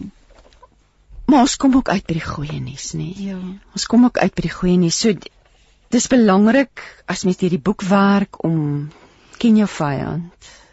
En dan aanhalingstekens sit ek die die, die woord vyand, nê. So jy bemagtig die leser om hoe lyk hierdie profiel? Is ek 'n slagoffer? Hoe weet ek ek's 'n slagoffer van hierdie oorlog van woorde? En dan kom ons by hoofstuk 12 wat jy sê kyk hoe lyk ek nou en dan sê Oscar Wilde she took a deep breath and whispered to her soul I got this. Kom ons praat daaroor. Hoe verander jy dan nou hierdie donkerte na helder beautiful pragtige reënboogkleure? Weet ek het ehm um, vir myself hierdie prentjie van die vrou wat by die ehm um, put aankom en Jesus sit by die put en sy's so uitgewerp aan een Mm. kant. Sy het al hierdie mans gehad en ehm um, hierso sê hierdie Joodse rabbi nog waar die een wat jy nou het is nie jou man nie mm. en daai gebrokenheid wat sy moes ervaar het en ek skryf hierdie ding een vrou met 'n verlede kom in aanraking met die genade van sy waarheid en die kleur van haar lewe verander. Mm. Die oomblik wanneer jy gekonfronteer word in die donkerste, diepste tyd van jou lewe, maak nie saak hoe diep is daai put nie, maak nie saak wat jy al ooit beleef het nie. Selfs in julle verhouding, maak nie saak wat se omstandighede jy al ooit beleef het nie. Wanneer daai donker omstandighede in aanraking kom met die lig van Jesus Christus, met die lig van sy waarheid, dan vind dan kan verandering hmm. plaasvind as ons dit toelaat. Jy sê hierso eintlik 'n anonieme aanhaling, sometimes it takes an overwhelming breakdown to have an undeniably deniable breakthrough. So ja, sê so weet jy, jy gevind dat vroue eers op 'n punt kom dat hulle regtig totaal uitmekaar uitval voor hulle verandering aanbring. Ongelukkig ehm um, is die slagoffer maar die een wat voel alles probeer rasionaliseer. Die vrou hmm. sal sê ag gaan maar net nou maar kortie meer of hy het 'n moeilike dag by die werk gehad. Jy weet so, in haar verstaan sal die persoon wat haar liefhet nie moetswilliglik so teen haar optree nie. So sy haar verwysingsraamwerk is dat ehm um, sy kan nie glo dat hy dit met swilliglik doen nie. Hmm. Die realiteit daarvan is dat hy dit wetende doen.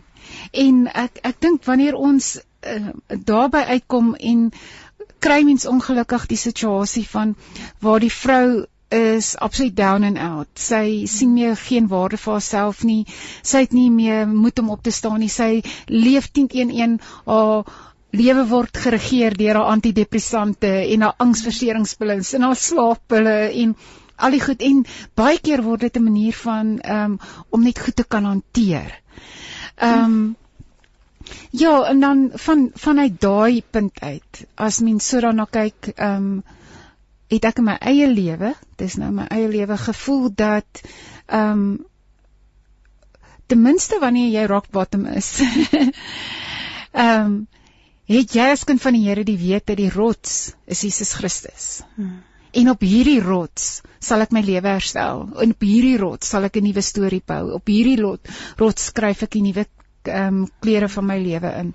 So ehm um, ons het hierdie vaste wete dat ons as kinders van die Here wil ek sê is bevoordeel in die sin dat wanneer ons dan op daai punt kom waar ons nie meer kan aangaan nie, het ons die Here wat ons nog steeds kan bystaan. Hoe ek neem aan deur die werkswinkels, deur die boek, ook in persoonlike ervaring, jy is ook 'n pastoor, so jy het baie te doen met met vroue wat hier dan blootgestel is. Hoe lyk hierdie proses van herstel? Lank. Hmm. En is oor en oor en jy moet weer en weer probeer elke oggend nuut hmm. en dit gaan ook oor of die persoon in die situasie bly en of die persoon uit die situasie uit uitgaan. Ja. En uiteraard as die ander party saam met haar werk, is die herstel soveel makliker. Jy weet dan is daar ehm um, wanneer twee so, mense werk saam. Sê vir my dan is daar gevalle wat wat die man sê ja, okay, ek ek is bereid om die pad te loop. Ek wil dit ook nie langer doen nie. Ek jy's my kosbaar genoeg. Ons huwelik is kosbaar genoeg. sien 'n mens dit dat dit gebeur? Ja, ek dink ehm um, ehm um, ons as kinders van die Here sal mens die situasie wel sien waar die man ehm um, so draai maak, maar ehm um, die re realiteit as jy gaan kyk na wat die sielkundige sê is dat so 'n persoon verander nie. Ehm um, voordat hy nie gekonfronteer word met die realiteit dat hy sy vrou of sy kinders of sy werk of sy wat ook al kan verloor nie.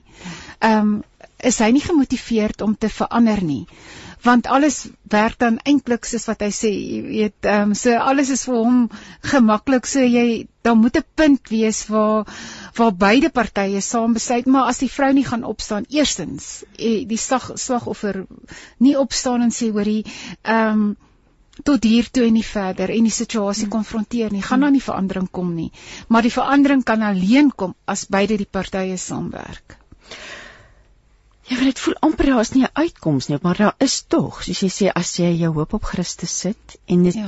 ek neem aan dit gaan baie oor jou benadering dan, hoe jy dit gaan hanteer. Dit's amper kom dit maar neer op jou dan, jou met die Ja. krag van Jesus. Ja. Maar hoe jy dit gaan hanteer. Ja, dit is die dit is die ehm um, die ingewikkeldheid of die ongemak van die situasie is dat die slagoffer moet vir haarself opstaan. Hmm.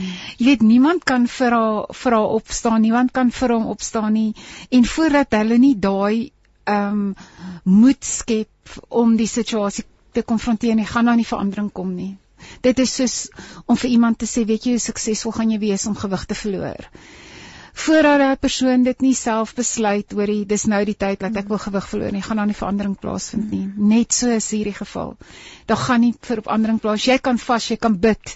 Jy kan die aangesig van die Here soek. Jy kan elke dag kerk toe gaan. Maar as jy nie optree en daai daai wilsbesluit vir jouself neem om te sê vandag al skuif ek net hierdie grenslyntjie 5 cm verder en uh, maar doen sal ek dit doen. Ehm um, gaan daar nie verandering kom nie. Dis baie interessant want jy praat ook hier in hoofstuk 13 van die lang pad na genesing en wat jy sê, ehm um, daar's sekere vrae wat wat 'n mens vir jouself kan afvra. Hy sê jy kan weer lag, jy kan weer droom, die lewe kan weer kleure van vreugde hê. Wat is hierdie vier vrae? Wat is interessant Ja. wat, wat jy dan vir jouself moet afvra. Ehm um, ja, ehm um, dit is die sielkundige Bob Wap, Wappeling wat jy sê, Bolding wat die volgende vraag gevra het. Glo jy dat daar iets spesifiek is wat jy in die volgende 2 weke kan Dit is doen? interessant die 2 weke, so dis so dat jy met eintlik 'n korttermyn doelwit hê om vir langtermynresultate. Ja, wat jou persoonlike familie en werksomstandighede negatief kan beïnvloed. En dan vra hy dieselfde vraag en hy sê glo jy dat daar iets spesifiek is wat jy in die volgende 2 weke kan doen wat jou persoonlike familie werksomstandighede positief kan beïnvloed. So hy gooi nou hierdie twee goed na jou toe en dan sê hy glo jy dat die keuse joune is en glo jy dat elke keuse wat jy maak 'n eindresultaat het. En dan maak hy die afleiding en hy sê indien jy ja geantwoord het op al vier hierdie vrae, het jy per implikasie gesê ek het nie genoeg goed of um, ek het nie om hoe ek gee nie om hoe goed of hoe sleg my verlede was nie. Ek gee nie om hoe goed of hoe sleg my omstandighede op die oomblik is nie. Daar is iets spesifiek wat ek nou kan doen wat my lewe het sy positief of negatief kan beïnvloed. En een van die goed wat mens kan doen is, is om dan in jouself te belê. ja, En jy, jy het nou gepraat van die grens wat jy net 'n paar sentimeter skuif. Ja. So kom ons praat oor hierdie tyd in jouself of belê in jouself op watter maniere want as jy al so afgebreek is, is dit sekerlik baie moeilik. Ja, ek dink ehm um, een van die maklikste maniere is om miskien soos wanneer jy dorp toe gaan, die tydperk bietjie te verleng. Jy mm. loop 'n ekstra draai deur 'n boekwinkel. Ehm um, Eenvoudige dae. eenvoudig goedjies. Jy ehm um, sorg dat jy meer tyd in die tuin spandeer. Ehm um, jy kom buitekant. Jy nooi 'n vriendin wat jy kan vertrou uit om by jou te kom kuier meer gereeld. Jy ehm um, uh jy dit waarvan jy altyd gehou het, 'n stokperdjie wat jy altyd van gehou het. Jy begin dit weer ehm um, te beoefen. Maar niks kan verander aan ehm um, of niks gaan beter werk as wat jy moet opstaan en hmm. vir die man sê tot hier toe. En die oomblik wat jy dit Och, maar gedoen dis het, seker 'n vreesaanjaende gedagte. moet jy daai daai oomblik wat jy dit gesê het, moet net in daai area Hmm. moet jy daai standpunt hou. As jy dit gesê het, draai om en jy loop uit. Ehm um, 'n sim- eenvoudige woorde soos ek hou nie van die manier wat jy nou met my praat nie. En dan redeneer jy En dan daaroor. loop jy weg Dan en jy sien weg, ja. Want die ding is jy is 10 teen 1 nie opgewasse om teen so 'n persoon te gesels nie want omdat jy al al reeds stikkend is. Jy weet ehm um, bemagtig jouself, lees meer op oor verbale mishandeling. Ehm um, lees meer op oor verhoudinge, lees meer op oor konflikhantering. Ehm um, oor watter konflikstyl is jou styl. Jy weet, en kyk hoe jy dit kan verbeter. Ehm um, kyk na persoonlikheidstipes. Ehm um, ehm um, watter tipe persoonlikheid het jy? En dan kan jy vinnig sien hoorie maar hierdie is 'n swakpunt van my. Ek is 'n people pleaser. En hoe hoe gaan ek dit regmaak? Hoe gaan ek dit herstel en leer om nee te sê?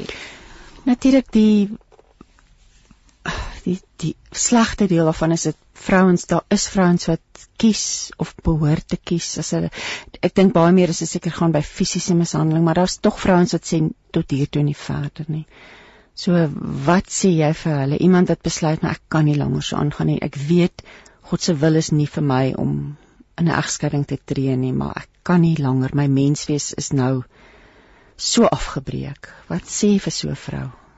Ehm um, ek voel nog steeds dat ehm um, so 'n vrou kan 'n nuwe lewe begin sonder veroor, veroordeling. Hmm. Ek dink nie die Here wil hê jy moet in 'n situasie bly waarin jy elke dag van jou lewe stikkend is nie. Ehm um, die jy's heeltemal reg om te sê die situasie ten opsigte van fisiese mishandeling en verbale mishandeling is twee verskillende hmm. goed omdat jy nie bewyse het nie. Jy hmm. weet, omdat jy nie dis moeilik om vir iemand te verduidelik wat jy beleef.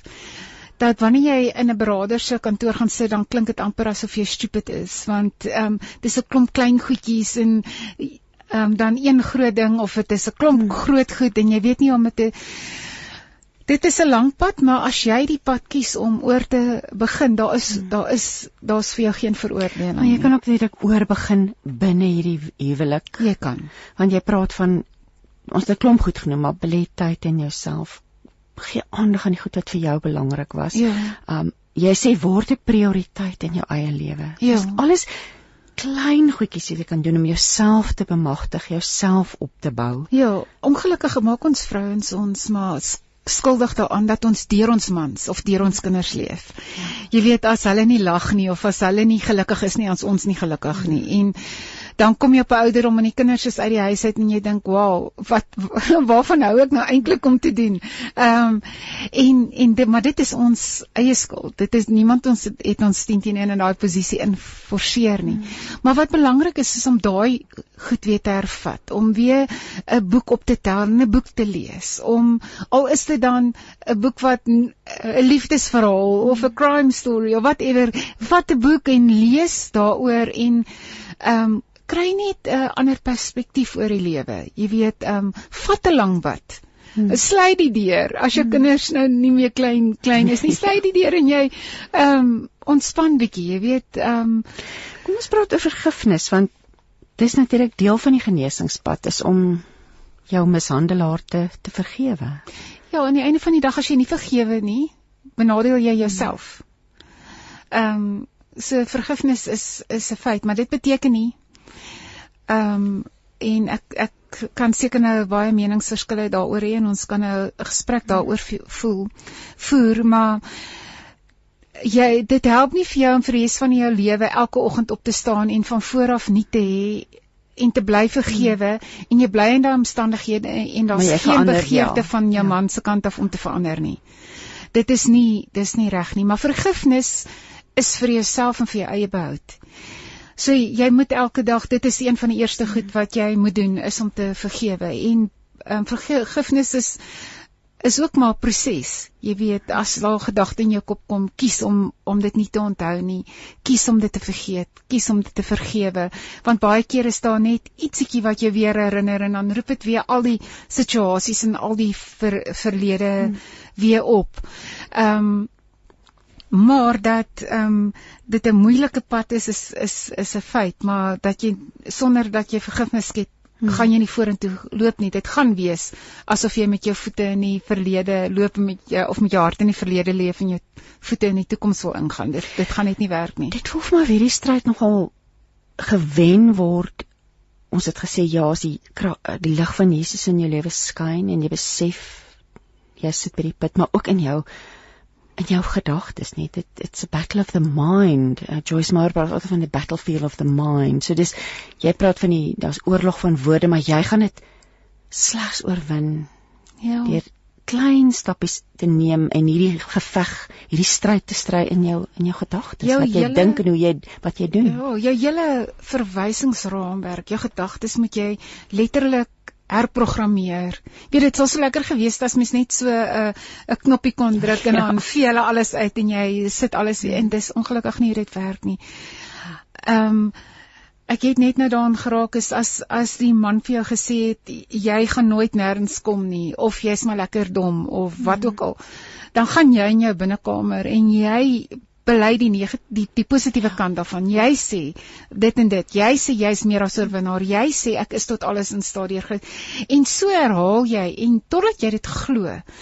In daai ehm um, en jou negatiewe gedagtes vervang jy met mhm. positiewe gedagtes en dit is veral in die aand wanneer jy gaan slaap jy weet dan in die oggende wanneer jy opstaan dan jy amper half of jy gedreineer is maar as jy nie eens daai gedagtes 'n bestaans ehm um, reg in jou lewe nie ehm um, dit is dit is die antwoord 'n mooi sê ding wat mens kan sê is ek onder on, ek neem hierdie gedagte gevange en onderwerp dit aan die heerskappy van Jesus Christus net so ja sjoe Dit is 'n Marlies, dit is heerlik om met jou te gesels. Dit is 'n moeilike onderwerp, maar weet jy, dis 'n ja. belangrike onderwerp om aan te spreek. Waar kan mense jou in die hande kry en waar kan hulle die boek in die hande kry?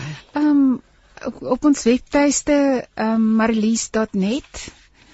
Ehm um, dis Marlies M A R E L I Z E.net of groep 7 .co.za. Ehm um, dit is die uitgewers ehm um, kan hulle die boek ook by bestel of ek kan seker ehm um, hulle kan my WhatsApp ook by 083 354 6011 Ek kan dit net herhaal. As jy wil kontak maak met Marlies of dalk een van haar werkswinkels wil bywoon of die boek in die hande wil kry, daar's 'n webwerf marlies.net m a r e l i z e.net of jy kan 083 354 6011 'n WhatsApp voorstuur. Sjoe, Marlies, alles sterkte en seën vir jou en dit is 'n groot werk wat jy hier aangepak het om jou hart te deel, om jou ervaring te deel en en vrouens te help om op 'n plek te kom wat of mans of kinders of iemand wat voel dat hulle verbaal mishandel word om 'n plek van vryheid in te stap, nê. Nee. Ja, ag baie dankie vir die voorreg. Dit is regtig net Kom ons kom ons luister na musiek. Kom ons luister na, laat ek sien, DK waar ons musiek? O ja, ons gaan daar sê, ons gaan eers na 'n paar handelsflitsse luister en dan gaan ons luister na musiek. Well, good morning Christine and good morning to all your O, oh, ekskuus tog nee. Ons gaan ons lyk my ons tyd is van so aard. Ons gaan luister na Deline Rayburn. Sy het vir ons, sy woon tans in Engeland en sy het vir ons um, 'n um, stemnota opgeneem oor Apples for Gold. Ons het vroeër met Dr. Michael Maal gepraat. Kom ons luister wat sê Deline Rayburn, medeskrywer. Good morning, Christine, and good morning to all your listeners. Um, just such an honor, such a privilege to be chatting to you this morning. I just love um, being part of what Radio Pulpit is doing, and um, yeah, just so lovely always to connect with you. Um, so thank you so much for this opportunity just to chat to you about Apples of Gold, um, which is this book of daily devotions that I've written with with Dr. Michael Mole in terms of my journey with this specific book, um, it's really been so lovely because Mike and I um, have known each other for years. Um, we were part of the same church in Pretoria years ago, um, and it's just been so cool that our journeys have intersected as authors. Um, this project, uh, you know, we didn't choose this project; the project chose us, so to speak. So Christian Art Publishers approached me and approached Mike and said, you know, how about this daily devotion where we look at spiritual health and physical health?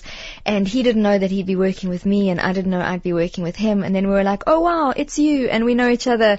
Um, and so yeah, that's just been so lovely. He he's obviously as a medical doctor focused on the, the health side of things and I have focused on the spiritual side of things.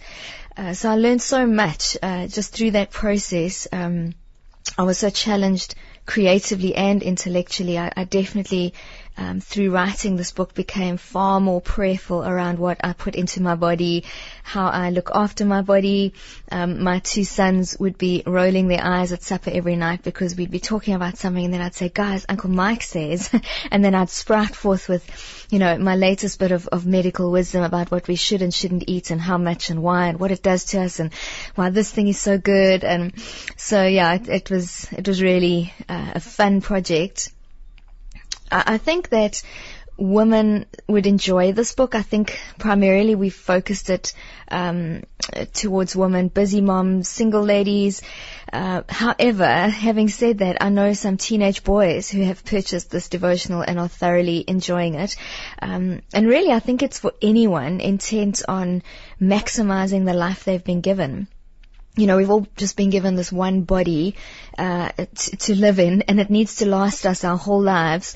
Um, and if we're passionate about building God's kingdom and living the best life that we can um, in the years that that He allows us on this earth, we, you know, we need to be intentional about looking after our minds, our bodies, our souls. And I think this this devotional really speaks um, to all of that. Uh, yeah, the title for me personally this title, Apples of Gold. Um, it's reminiscent of, you know, an apple a day keeps the doctor away. Um, so it carries the idea of, of healthy, wholesome eating.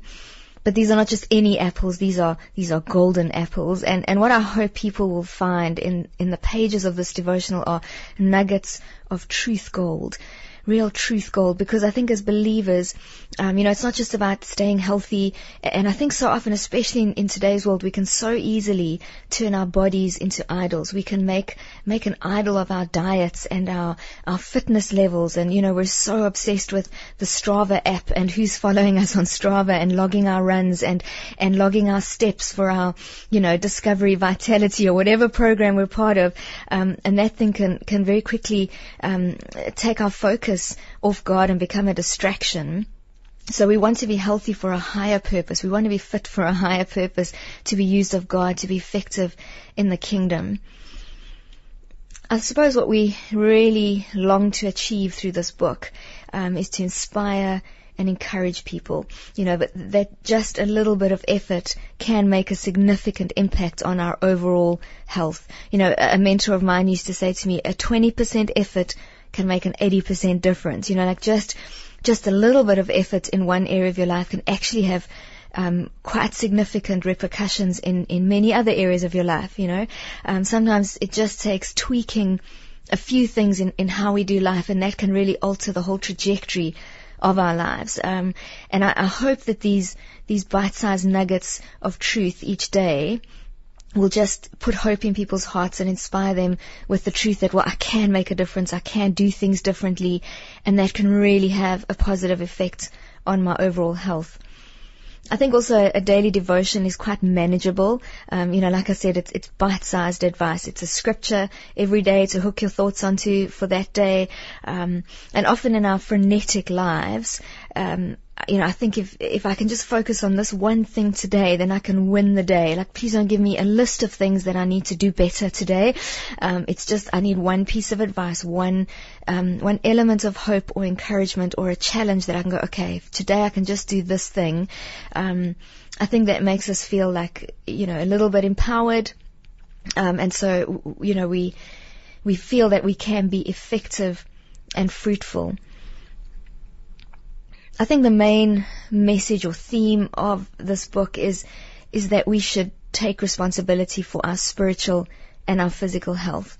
Um, you know, in our world today, I think we have access to so much research. We are not in the dark about the effects of certain habits, you know, on our overall well-being. You know, 100 years ago, even 20 years ago, there were things we just didn't know.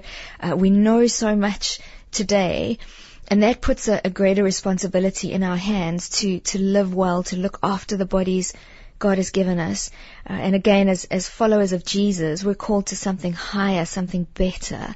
Um, you know, God, God asks us to glorify Him in and through our bodies, to serve Him with energy, with, with longevity.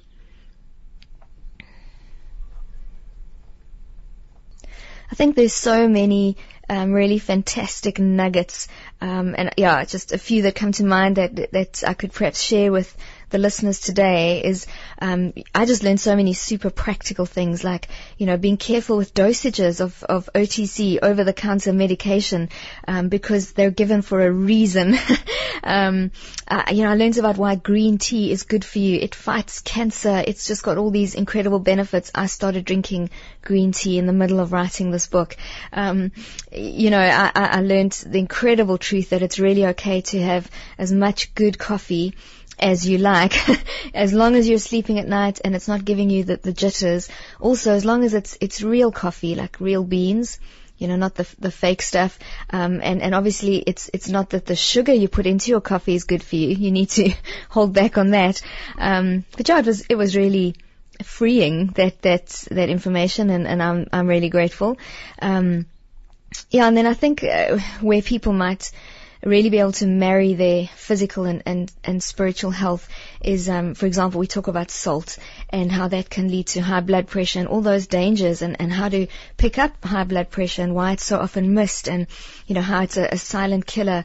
Um, but then also, you know, to perhaps put some things in place, like every time you reach for the salt, at the dinner table, you could say, well, do I really need this salt? Or perhaps is the food salty enough? But also more than that, like, well, am I being salt in the world around me? Am I being salt and light? Am I bringing flavor? Am I preserving truth in the way that I live? Um, you know, we talk about cholesterol and, and what are the things that clog our arteries and, and why is that so dangerous and what do we do about that practically? But then of course the spiritual connotations of that, like what's clogging your heart? Is there, is there unforgiveness?